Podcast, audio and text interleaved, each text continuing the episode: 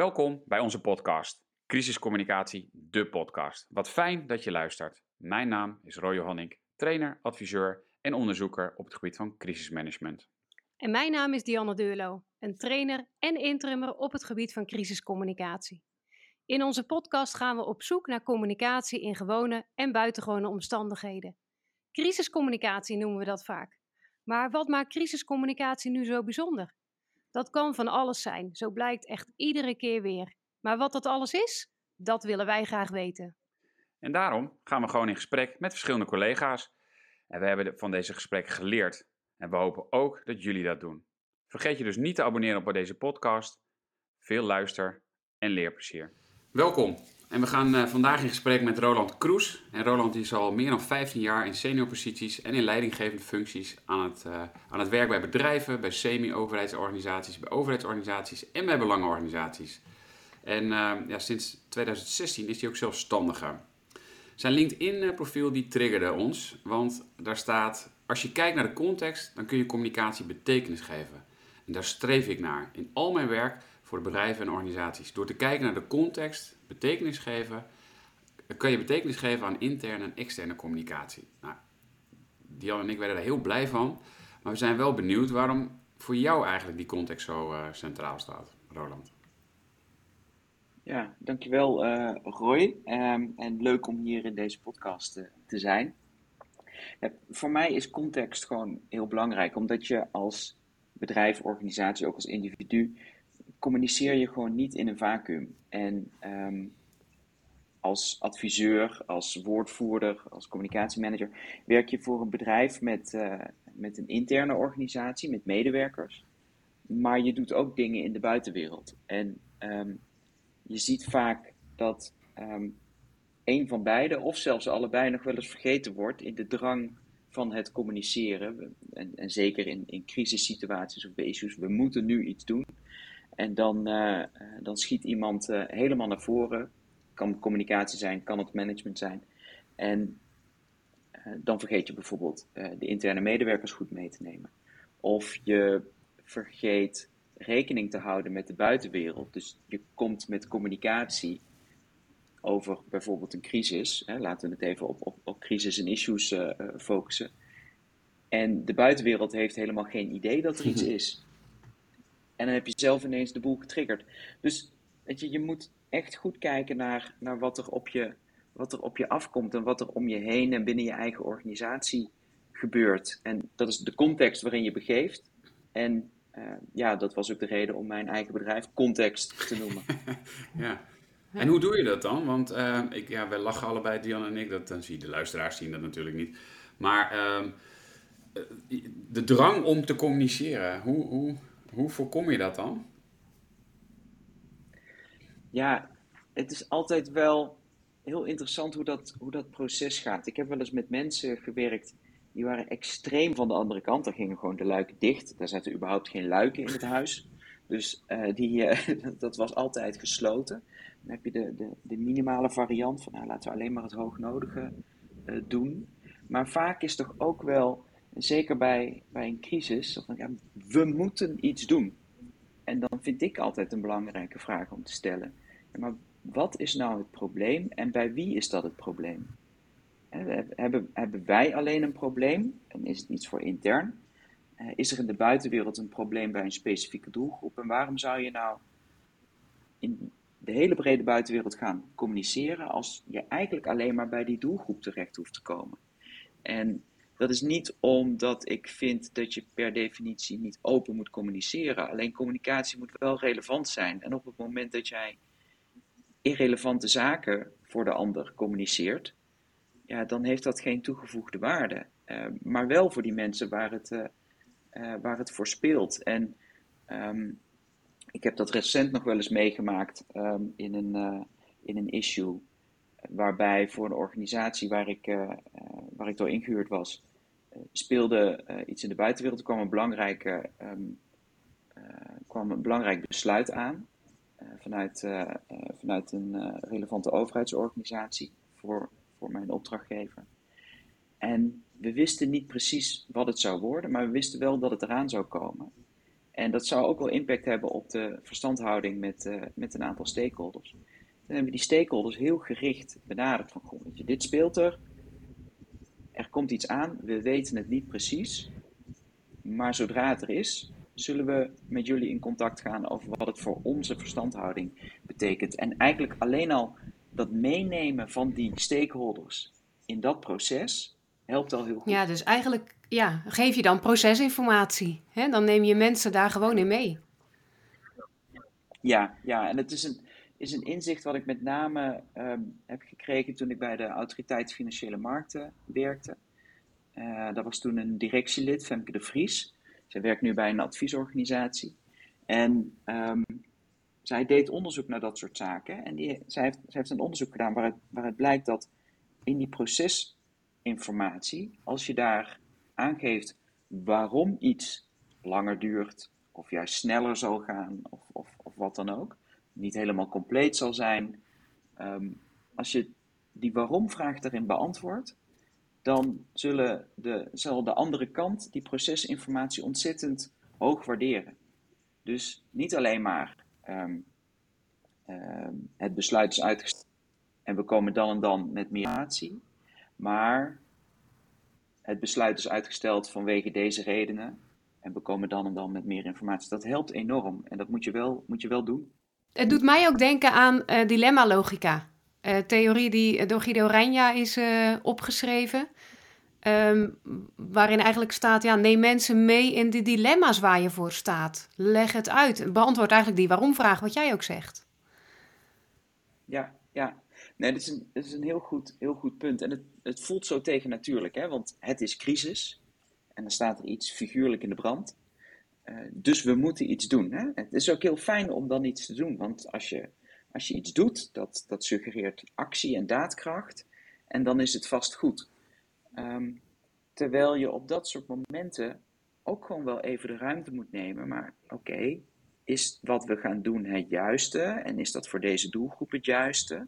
En gaan we ook niet te snel, eventueel, met die acties voorstellen? Hè? Van nou, dit is er aan de hand, dit is onze oplossing.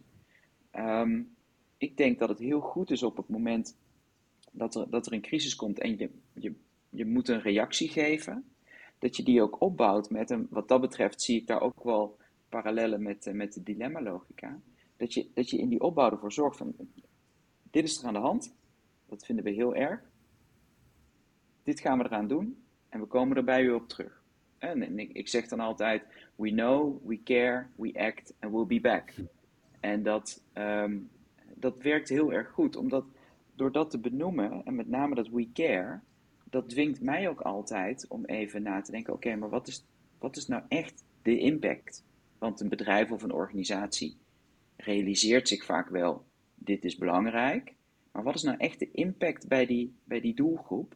En wat zijn de, de zorgen waar ik, uh, waar ik iets mee, uh, mee moet en kan doen? En hoe doe je dat? Want daar zit ook onze punt. We merken inderdaad dat mensen toch soms wat te snel inderdaad in die drang gaan. We moeten communiceren en dat is belangrijk. Maar hoe, hoe, uh, welke tips heb je voor jezelf en, en, misschien dus ook voor ons en voor luisteraars van hoe breng je dan die impact in beeld? Ja, um, ik, ik ben zelf best wel van de, uh, van de rijtjes en, en, en dat soort zaken. Hè? Dat, dat hoor je nu al aan, uh, aan, aan die riedel rondom We Know, et cetera.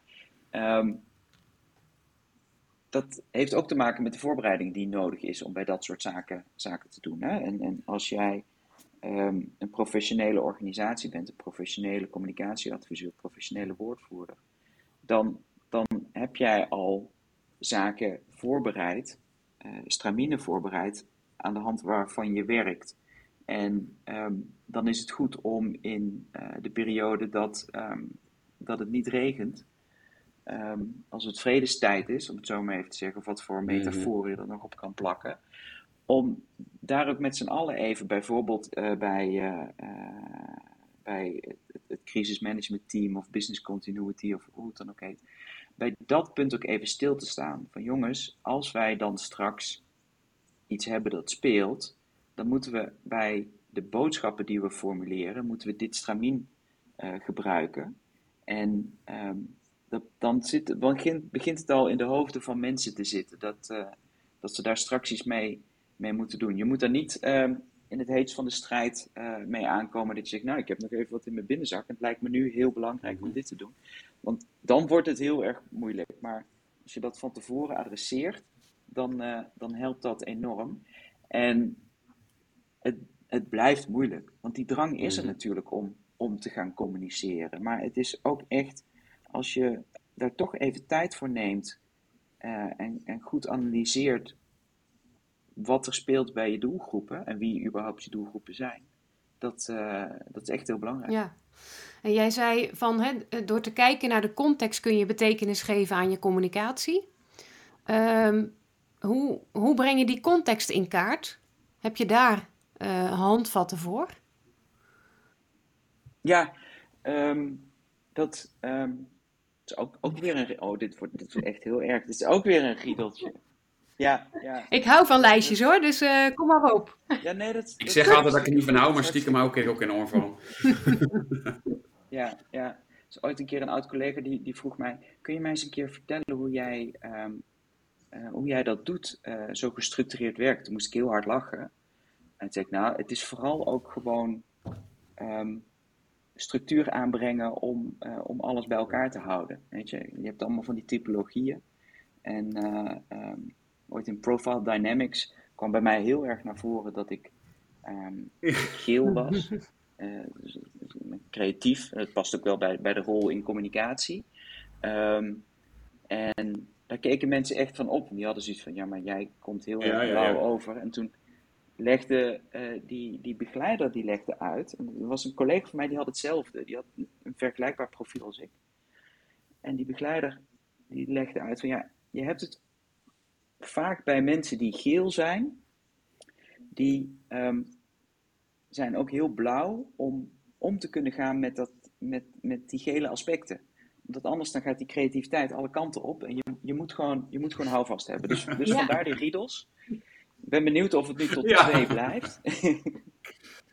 of het beperkt blijft tot twee. Maar dit, um, wat ik vaak doe als aanpak voor mhm. communicatieplannen. Um, en, en beschrijvingen bij crisis en issues, is uh, wat ik voor mezelf de case aanpak noem. Context, analyse, strategie en executie. En in de, in de context beschrijf, beschrijf je een beetje de, de, de aanleiding van het geheel. Wat is er aan de hand? Waarom is dit belangrijk? Waarom gaan we hier nu mee aan de slag? En dan kom je bij de analyse uit en dan ga je kijken, um, wat is het probleem waar, waar wij echt mee te maken hebben als organisatie? En wat zijn onze belangrijke doelgroepen en wat speelt er voor hen? En dan niet alleen met betrekking tot het, het issue dat er dan speelt, maar ook andere zaken. Want um, ik heb ook wel eens gehad in een, uh, in een issue dat er. Um, dat was eigenlijk helemaal geen issue. Het was gewoon een, een interview dat gegeven werd. En dat interview werd gegeven en dat ging over het standpunt van de organisatie over iets. En dat was eigenlijk prima. En het kwam terecht in een, um, in een item op tv waar het op een bepaalde manier werd geframed. Maar in de basis was er nog steeds niks mis. Het was een breder verhaal. En in de basis was er nog steeds niks mis met het standpunt. Um, maar een van de stakeholders re reageerde daar ontzettend geprikkeld door. Echt met, met, uh, met als resultaat dat, dat er weken um, uh, damage control gedaan moest worden, vooral op het relationele vlak. Dus het ging helemaal niet zo over de inhoud, maar het was echt op de relatie. En dat vonden we op dat moment heel erg raar. En toen werd een paar weken later werden een aantal andere issues van die organisatie bekend. En dat speelde echt weken daarna. Maar toen werd voor ons duidelijk van ja, maar wacht eens even. De reden dat zij toen zo geprikkeld reageerde was, ja, we hebben een goede verstandhouding met jullie, niks aan de hand. En ineens komt dit voorbij. En we hebben al die andere dingen ook al spelen. Dus dat was de reden dat, um, dat die organisatie zo geprikkeld reageerde. Nou, als je die analysefase goed doet, dan creëer je ook ruimte om over dat soort dingen na te denken. En daarom, het gaat hier over crisiscommunicatie, heb ik het liefst ook geen crisiscommunicatie. Het liefst definieer ik wat de belangrijkste issues zijn voor een organisatie, zodat je daarmee aan de slag kan. En dat als zich dan een crisis op een van die issues voordoet, dan ben je voorbereid. En dan, dan zorg je dat je al nagedacht hebt over wat er speelt bij die verschillende organisaties. En dat, ehm, eh, en dat kunnen ook hele kleine dingen zijn. Ik heb um, ooit een keer te maken gehad bij een uh, organisatie waar ik werkte, die, die was niet beursgenoteerd. Maar we gingen iets samen doen met een beursgenoteerd bedrijf. Op dat moment heeft dat beursgenoteerde bedrijf, het ging om een vrij grote aankondiging uh, voor hen, heeft te maken met potentieel koersgevoelige informatie. Dan ben je gewoon heel strikt aan regels gebonden. Um, het moment dat er geïnformeerd moet worden, de manier waarop er geïnformeerd moet worden en het feit dat je eigenlijk, behalve de kring van direct betrokkenen, niemand verder mag betrekken. En um, voor mij was dat logisch, um, maar binnen het communicatieteam leverde dat wat vrevel op. Want het was eigenlijk de eerste keer dat het communicatieteam daarmee te maken kreeg. Met zo'n externe partij die uh, gebonden was aan de regels voor potentieel koersgevoelige informatie. En toen heb ik daar de fout gemaakt dat ik daar heel snel overheen stapte. Want voor mij was het, ik heb bij de AFM gewerkt, ik heb bij beursgenoteerde ondernemingen uh, gewerkt, ik heb voor beursgenoteerde ondernemingen uh, opdrachten gedaan. Dus echt ABC'tje voor mij. Ja, dat deel je niet, punt, klaar. En ik vond het ook heel normaal toen bij, bij SNS dat er wel eens een deur dichtgetrokken werd, omdat er een project was waar ik niks van af wist en andere mensen wel. En die gingen daarover praten. Nou, fijn, prima. Um, hier moest ik daar zelf even aandacht aan besteden binnen het team en ze echt even uitleggen waarom dat zo was. Dus dat hè, laat zien dat, dat daarover nadenken, ook in de, in de context van de eigen werkzaamheden, wel, wel belangrijk is. Wat een, uh, Dianne en ik uh, zijn ook wel bezig met meer het ordenen van alle chaos aan boeken die er zijn, aan theorieën die er zijn. En wij hebben voor onszelf inmiddels eigenlijk de, de case aanpak die je zegt, contextanalyse, strategie, executie. De analyse, strategie, executie is, is eigenlijk gewoon de, de triple E, wou ik zeggen, maar dat is geen term die wordt gebruikt, maar is analyse, advies, aanpak. Analyse, omgevingsanalyse, analyse eh, ook van het probleem. Hè, niet alleen maar de omgevingsanalyse, maar ook wat is aan de hand. De strategie is dan hè, de manier waarop je uh, het advies, hè, waar, waar wil je naartoe en welke doelen wil je bijdragen. En executie is inderdaad de uitvoering, de aanpak die we met elkaar doen. En voor die context, um, wat jij zegt, is waar we zelf ook mee bezig zijn, is dat het eigenlijk gaat de organisatie waar je werkt, of waar je komt te werken tijdelijk, die moet je goed snappen. Die cultuur moet je begrijpen. Je moet begrijpen hoe het speelt, wat er speelt. En die context kan ook in bepaalde situaties anders worden, omdat die situatie daar nog nooit, of zeg maar die organisatie daar nog nooit heeft meegemaakt. Of omdat er toch een onderliggende cultuur ligt of een informele organisatie die eronder ligt. En, en, dat is de basis waar wij eigenlijk ook mee, steeds meer mee beginnen. Van weet je überhaupt hoe de organisatie werkt waarin je zit? Dat is voor ons de context. En pas daarna wordt het relevanter om naar het incident of het issue te gaan. En de positie van de organisatie bij dat issue. En dan pas, wat is de rol van communicatie bij dat issue? Dus wij gaan er eigenlijk in vier lagen naartoe. Uh, de eerste laag is dus de organisatielaag. Weet je waar je werkt, voor wie je werkt. De tweede is dan de risicovolle situatie, het incident. Hè? Wat is er precies aan de hand? Wat is daar de analyse van? Um, en de derde, we komen er ook steeds meer achter van ja, wat is de positie van die organisatie bij dat incident? Hoe zitten ze in de wedstrijd? Um, zijn ze verantwoordelijk? Zijn ze niet verantwoordelijk? Hebben ze vooral last van? En als vierde eigenlijk pas, en dat is, dat is best wel lang, de rol van communicatie bij dat incident. En dat voelt best ongemakkelijk soms omdat het dan, wat jij zegt, waar we mee beginnen. Als we dat zo doen en in. Oh ja, boe, boe, je ziet dat mensen daar. Nou, het, het kost even tijd tijdens trainingen. Uh, en daarna gaan ze het ervaren en, en oefenen. En dan denk je van. Oeh, het werkt wel. En zie je ook dat je dit snel kan. Maar dit is, dit is best ongemakkelijk. En dus het kost tijd eigenlijk. Want daar zit ook mijn vraag van. Hoe ga je een organisatie helpen bij die tijd nemen voor. Nou ja, en dit is dan even onze manier. En die past denk ik heel erg op hoe jij het uitlegt. Ja, ja. het is heel, heel vergelijkbaar. Wel mooi om, uh, om dat van jullie kant, uh, kant zo te horen. Het, het, het is. Soms is het heel lastig. Weet je, omdat ehm, ook als interimmer loop je nog wel eens tegen het probleem aan dat mensen denken: oh, nou, Mhm. wat komt hij nou weer doen? In mijn Mm. geval. Of wat, zij, wat komt zij nou weer doen? Eh, in een ander eh, geval. Ehm, ehm, wat, wat komt die meneer of mevrouw hier nou doen eh, deze, eh, deze periode? En eh, soms is het heel duidelijk, want je vervangt iemand. Maar ik heb ook regelmatige opdrachten waarbij ik erbij word gezet, omdat er gewoon onvoldoende tijd is om ehm, met alles aan de slag te gaan. En het is, nou, ik gebruik nou zelf het woord tijd, maar hè, jij zegt ook, eh, je moet daarvoor tijd nemen. Ik denk dat het vooral is dat je daar aandacht aan moet besteden. Want wat jij ook zegt, is dat eigenlijk komen mensen er dan wel achter dat het niet zoveel tijd hoeft te kosten. Maar het is e- een, een, een denkproces dat je even door moet gaan. Want die executie, want je communicatie heeft zich zo sterk ontwikkeld de laatste tijd. We hebben zoveel middelen beschikbaar die echt niet zoveel tijd meer kosten om uit te voeren. Weet je, ehm, een persbericht op een website zetten. nou Ja, dat moest je vroeger moest je dat in drievoud aanvragen met allerlei handtekeningen. En dan moest je echt, nou ja, het moet je ook wel echt voor vier uur 's middags aanleveren. Wil je de volgende dag iets, eh, Ja. iets online zetten? Ik heb nu te maken, ook bij mijn huidige opdrachtgever, met iemand die, als ze het maar weet dat het eraan komt, die heeft het echt binnen twee minuten erop gezet. En heeft ze ook nog drie punten en comma's en een dt-fout die ik over het hoofd had gezien eruit gaan. Ja. Nee, dat is echt geweldig. Dat dat zo snel kan. Ehm, maar dat maakt het ook belangrijk dat je net even wat meer. Hè, dat, Ja. dat maakt het mogelijk dat je net even wat meer tijd neemt voor die eerdere fases. En dat maakt het ook belangrijk. Want die impact is natuurlijk wel heel erg groot van, eh, eh, van zaken die je, die je communiceert.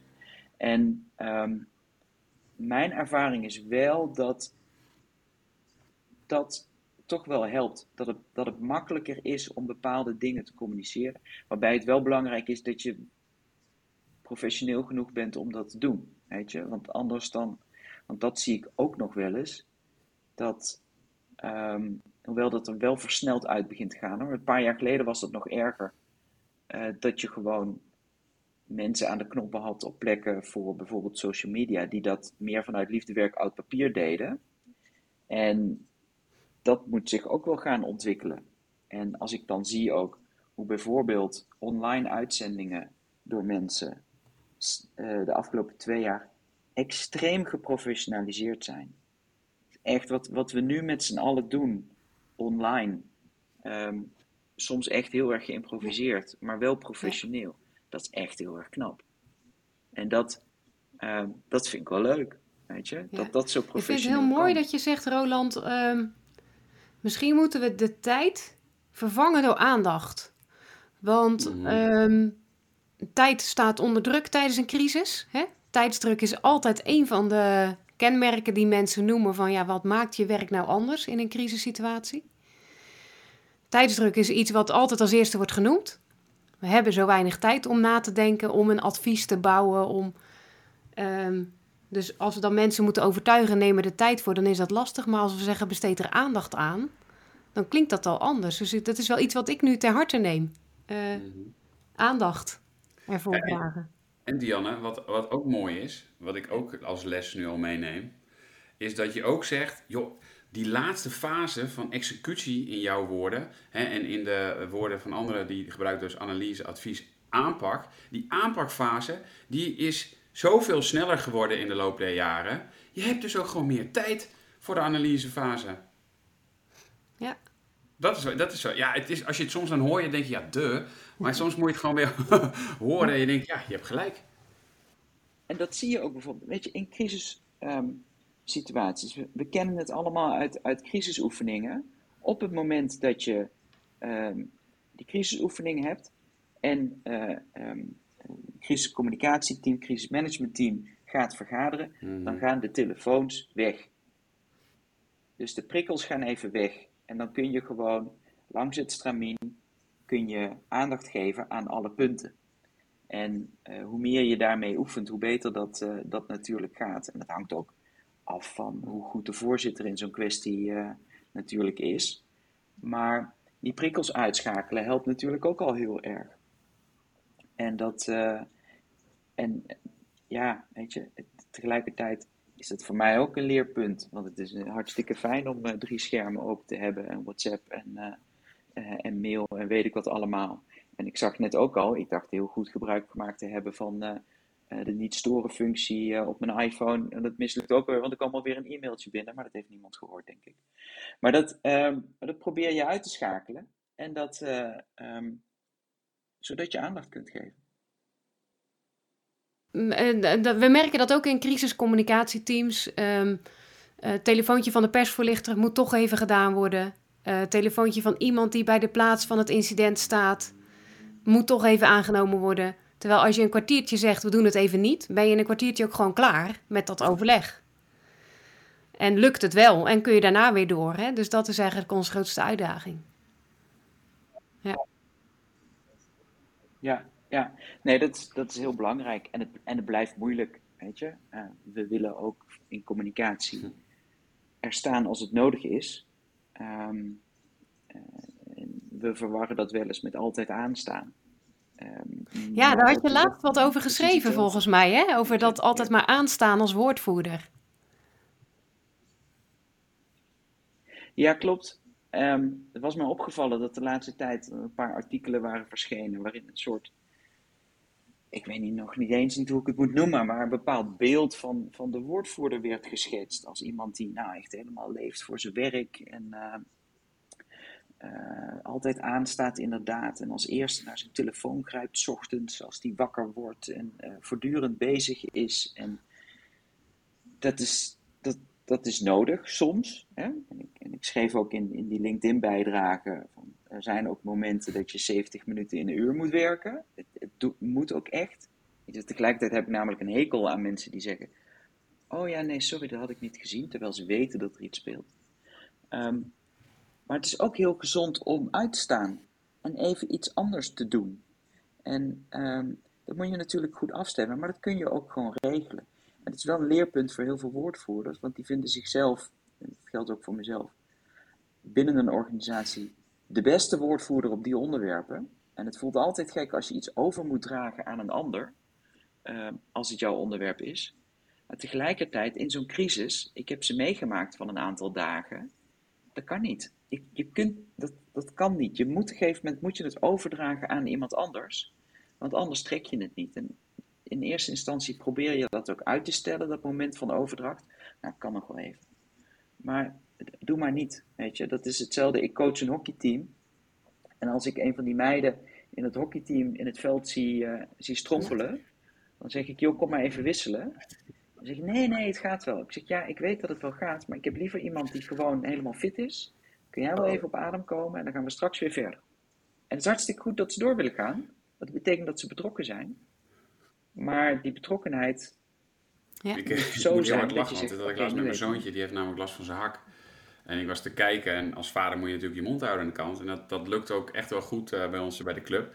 Maar ik zag hem strompelen. En, uh, dus ik zei tegen hem, Stijn, Stijn, volgens mij heb je last. Nee, nee, zei hij. En ik zag hem gewoon strompelen. En uh, toen zei ik tegen de trainer, van Teun heet hij, Teun of, of Dirk, ik weet niet maar, een van de twee was het. Ik zeg, haal hem er gewoon maar uit. Nou, dat deed hij dus met het kwart. Zij hebben dat deed hij dus. En hij was boos op mij. Boos. Maar ja, had daarna wel echt last van zijn hak. En ook de weken daarna ook. Dus, uh, en inmiddels, uh, ja, dat is wel een, een, een les inderdaad. Leer ik hem die les. En dan zeg ik, jij moet wel voelen. Want de trainer wil iemand die 100% wil zijn. En ook al denk je dat het 100% in je hoofd zit, maar je lichaam moet het ook kunnen. Um, en dat, dat is nu heel goed. Dus hij geeft nu zelf aan van, ik voel ietsjes trainer. En dan, uh, dan stopt hij eruit. En nou, dan, dan voetbalt hij maar twee kwarten van de vier. Prima. Maar hij heeft wel twee keer lekker gevoetbald, twee kwarten. Ja. Ja, ja en mooi is dat als ze dat dan zelf... Ja, want die brug wil ik wel maken naar de communicatie. Wij, Diane en ik hebben wel ook heel veel meegemaakt hoor. En toch mensen... Ik, ik, heb, ik heb, even eerlijk, heel eerlijk, ik heb niemand meegemaakt die het zelf heeft aangegeven. Diane en ik hebben twee keer een gesprek gehad met collega's. We hebben zelfs een gesprek gehad met mensen in onze opleiding, in onze trainingen die we dat hebben laten zien. Hoe doe je dat dan? Want ik, ik, ik vind het ook heel moeilijk. Heb je toch altijd een ander voor nodig of is dat te, makkelijk? Ja, nee, dat, dat, daar heb je. Ik, ik denk dat daar de, ehm, de leidinggevende ook een belangrijke rol, uh, rol in speelt. En ehm, ik, ik moet nu denken aan de avond voor de nationalisatie van SNS Reaal. Dat speelde dus in, uh, in 2013. Niet voor te stellen dat het al bijna negen jaar geleden is. Um, nou, dat was sinds de zomer van 2012 begon zich dat op te stapelen. En op een gegeven moment waren er allerlei scenario's die voorbereid moesten worden. Het kon een paar kanten opgaan. En uh, er werd gewoon echt heel hard gewerkt door een, uh, door een groep. onder leiding van de directeur communicatie en de manager in interne en externe communicatie. En um, toen zaten we op um, de avond voor de nationalisatie. En toen zei om een uur of half zeven of zo was het, zei die leidinggevende jongens, ga maar. Weet je, we kunnen hier nog heel lang doorwerken, maar we denken dat het uh, uh, morgen wel weer verder gaat. En uh, iedereen was al gevraagd om zijn, ehm, zijn slaapspullen mee te nemen. We sliepen in het hotel tegenover, tegenover het hoofdkantoor. Dus iedereen was erop voorbereid. Thuisfront was ik voorbereid van, nou, ik, ik ga nu ik weet niet wanneer ik terugkom. We zien het wel. Um, en toen, toen, toen, gingen we zo van, ja, want je kunt wel door blijven werken. Um, maar je kent dat vast ook. Dat, ja, je hebt scenario 1, 2 en 3. Maar ja, je kunt ook 1A en 2B en 3A en 3C uitwerken. Je kunt door blijven gaan. En uh, toen gingen we dus weg. Nee. Toen werden we twee uur later weer teruggeroepen. ja, kom toch nog maar even terug. We gaan toch nog even een paar dingetjes doen. Nou, dat hebben we toen gedaan. Toen was het om elf uur, was het opnieuw. Jongens, het is klaar. En toen werd ik om zeven voor half twee door mijn directeur gebeld van nou, het is klaar. Uh, we zijn genationaliseerd. Wat echt heel surrealistisch was, want het was nog zeven uur de tijd totdat het half negen was en bekendgemaakt zou worden. Um, maar dat, je hebt dan wel mensen nodig die dat zeggen. En ik heb dat nu wel in mijn. Um, uh, recent ook wel in mijn werk meegemaakt dat er iemand was die meer op de interne communicatie zat. We gingen een extern bericht maken, maar het bericht was nog heel erg in beweging. En uh, die collega zou de, um, de doorvertaling naar intern maken, intranetbericht, een e-mail aan mensen, et cetera. Um, en zij, zij ging iedere keer die nieuwe versie. Weet je, dan kwam ik met een nieuwe versie van het hoofdbericht, van de storyline. Dan ging ze weer een nieuwe versie maken. En ik heb het ook gezegd: stop nu maar gewoon even. Want je, ja, je kunt zo wel bezig blijven. Weet je, er komt. Maar ik, ik weet niet wanneer het gaat gebeuren. Maar bij de eindversie zul je nog een keer aan de slag moeten. En dit is wel ongeveer wat het wordt. Maar stop maar met na iedere punt en komma weer een nieuwe versie te maken. Want het heeft geen nut. En dat vond ze toen ook niet leuk. Um, maar was wel het beste, weet je. Tuurlijk wil je het af hebben, maar neem maar even de tijd. Nou, die, die, moest echt even de tijd nemen. Die hoeft even juist geen aandacht. Ja. Nou, volgens mij is dit een tip voor, voor hoofden van een crisiscommunicatieteam. En ik denk dat die tip ook altijd gegeven wordt. Um, hè, hou je team in de gaten. En als je mensen uit ziet vallen of het minder ziet uh, worden, uh, grijp in hè, en zorg voor aflossing. Uh, want je hebt dus een ander nodig die dat tegen je zegt, blijkbaar. Ja. Ja. Ja. Ja, en ik denk dat dat, um, om hem nog even iets verder door te trekken, ik denk dat dat zeker in de huidige omstandigheden nog belangrijker is. Omdat um, heel veel van wat mensen doen op dit moment en hoe hard of niet hard ze werken, wordt aan het zicht onttrokken. En um, het, de output is duidelijk. Hè? Het, het, uh, het, communicatieplan dat wordt opgeleverd, het persbericht, QA's, uh, het event dat wordt georganiseerd, dat is allemaal duidelijk. Maar iets minder duidelijk is hoeveel input erin gestopt wordt, hoeveel tijd erin gestopt wordt. En um, dat is natuurlijk in het algemeen een belangrijk punt voor, uh, uh, voor leidinggevenden op dit moment. En ik zie dat ook, ook wel heel goed gaan. Met je leidinggevenden die echt heel goed aandacht geven aan mensen. Maar het is wel, het is even iets nieuws met deze afstandsperiode uh, die, we, die we nu hebben. Um, ja. En dat maakt de eerstvolgende crisis wel spannend, denk ik. Want het zou best wel eens kunnen zijn dat mensen iets minder. Zeker. Oh, dat is een eh, goede. dat reserves betekent ook dat, zeg maar, dat, dat de op inzetbare tijd die je normaal gesproken hebt, en vaak zeggen voor sommige functionarissen is het 8 uur op, 8 uur af. Voor anderen is het weer 6 uur op, 6 uur af. Of sommigen is het 4 uur op, 4 uur af. Is dat we daar ook misschien rekening mee moeten houden. Dat we gewoon de tijdsperiode waarin iemand ingezet is, misschien wat korter moeten maken. Eigenlijk. Ja. ja, of in ieder geval ook in deze periode, als er, als er geen crisis is, ehm, Ja. goed vragen hoe, hoe het staat met mensen. En eh, zodat je weet nou ja, of iemand eh Ja. last heeft van zijn, eh, van zijn voet als hij het veld in gaat. Ja. Dus dat, eh, ja. Ja, Diane en Dat ik gebruiken daar ook iets voor. Goed om, goed om te weten. Elke Ja. training, toch?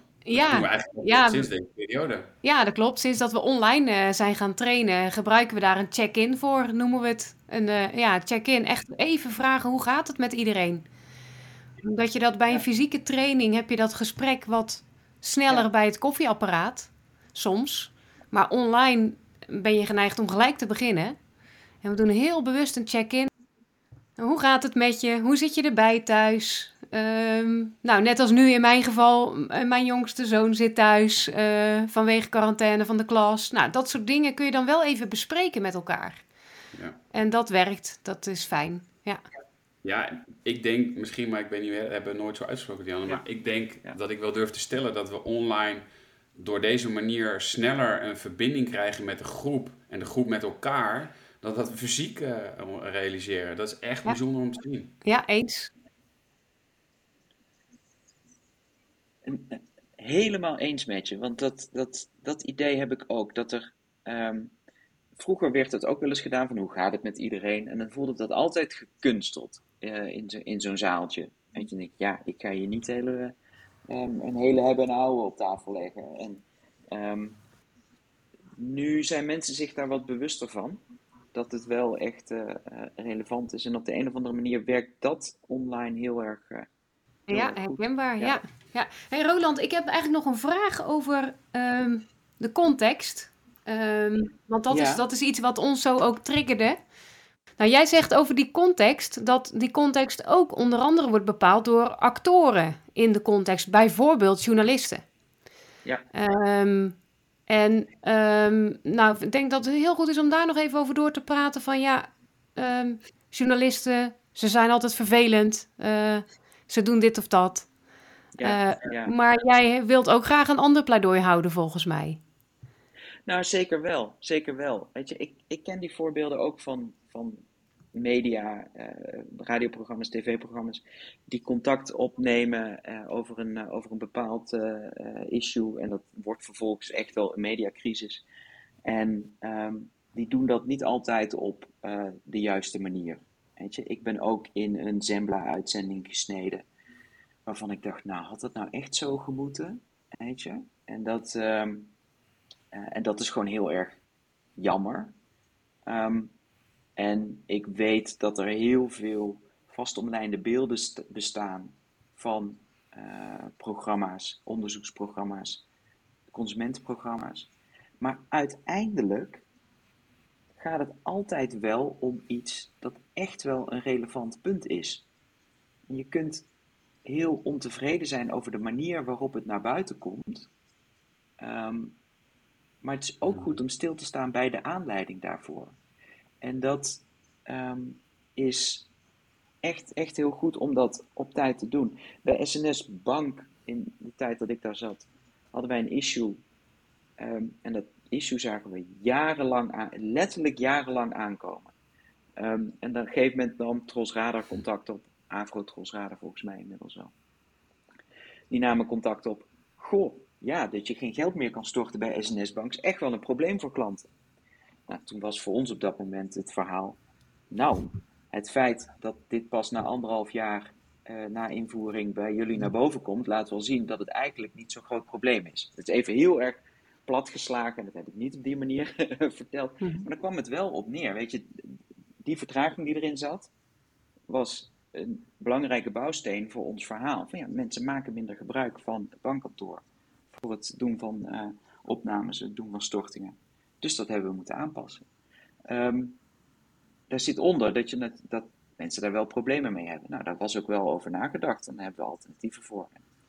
Ehm, maar ik heb hem ook gehad op een heel vervelende manier, waarbij uh, een recent voorval bij, uh, bij mensen is waar een mevrouw zich meldde die moeite had met uh, de omgang met de beoordeling van vergoeding van borstprothesen. Een heel persoonlijk onderwerp, mm -hmm. heel intiem onderwerp.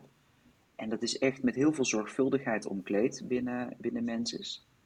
Um, en daar lukte het niet, en het is tot op heden nog steeds niet gelukt volgens mij, lukte het niet om op de juiste manier met die mevrouw in contact te komen.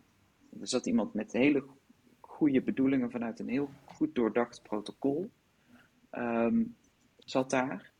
En uh, het lukte gewoon niet. Nou, en dat explodeerde vervolgens in, uh, in de media. Um, tegelijkertijd was het wel, en dat vond ik heel goed dat dat gedaan werd, voor de beleidsmensen reden om te zeggen: we gaan toch even hier naar kijken. Want wij vinden dat het een heel goed proces is, met zorgvuldigheid omkleed. En we hebben echt wel aandacht voor die bijzondere aspecten.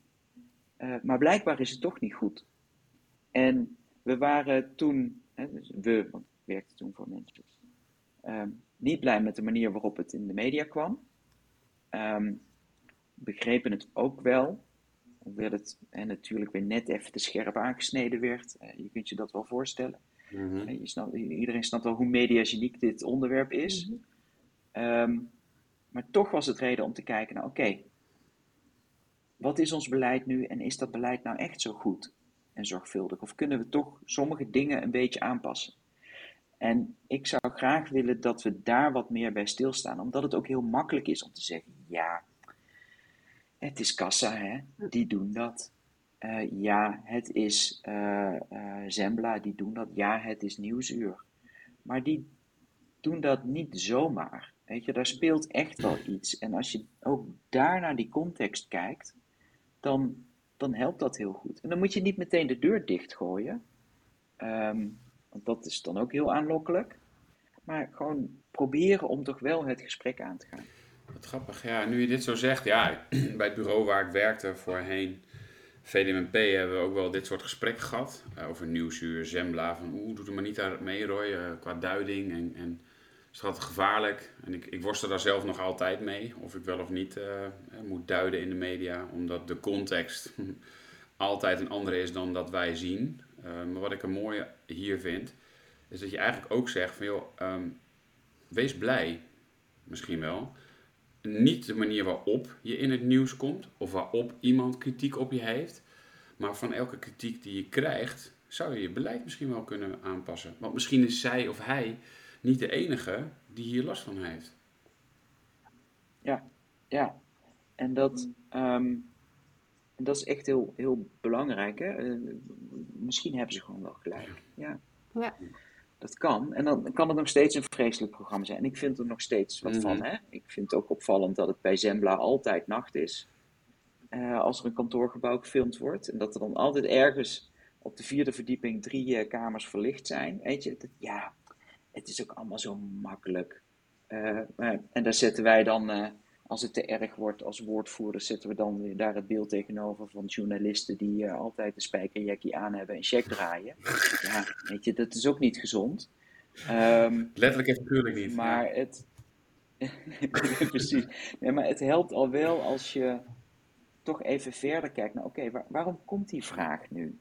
En um, wat, kunnen we daar, uh, wat kunnen we daarmee kunnen we daaraan doen? En als dan die andere kant iets meer dat effectbejag laat vallen, uh, dan kom je misschien nog wel uh, ergens. Ja, weet je, de, de tripod-analyse, dat is de manier waarop met name de Onderzoeksraad voor Veiligheid kijkt, die zegt eigenlijk ook, um, we zien vaak een actieve fout. En van die actieve fout die iemand maakt, die maakt altijd de mens. 99% van de fouten in organisatie en incidenten is ergens te wijten aan een uh, menselijke fout vaak, is, is een van de theorieën.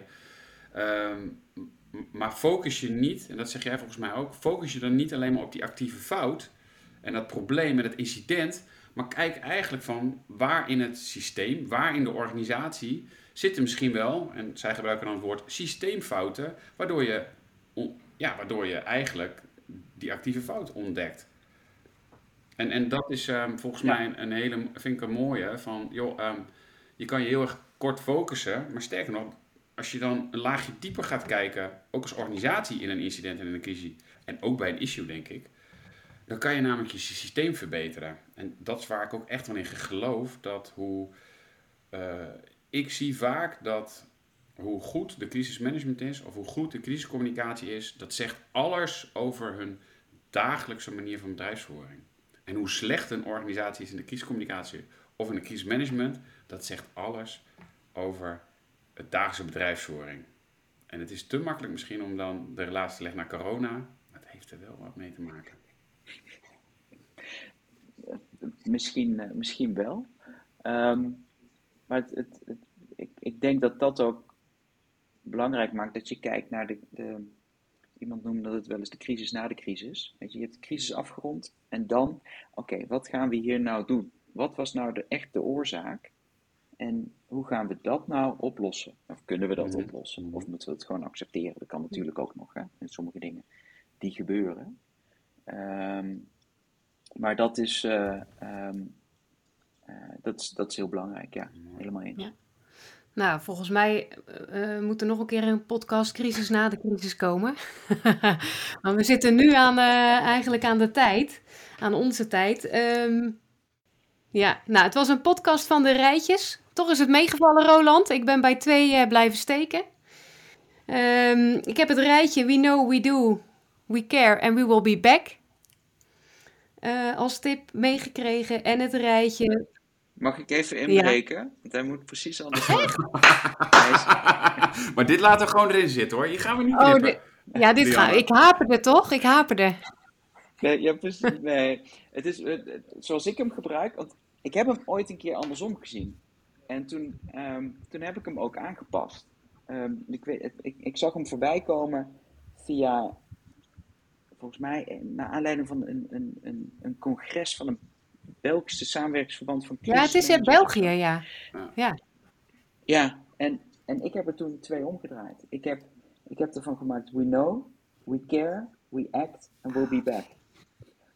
Om, omdat ik die, die, die care, die emotie, die aandacht, die vind ik juist Mooi, zo ja. belangrijk.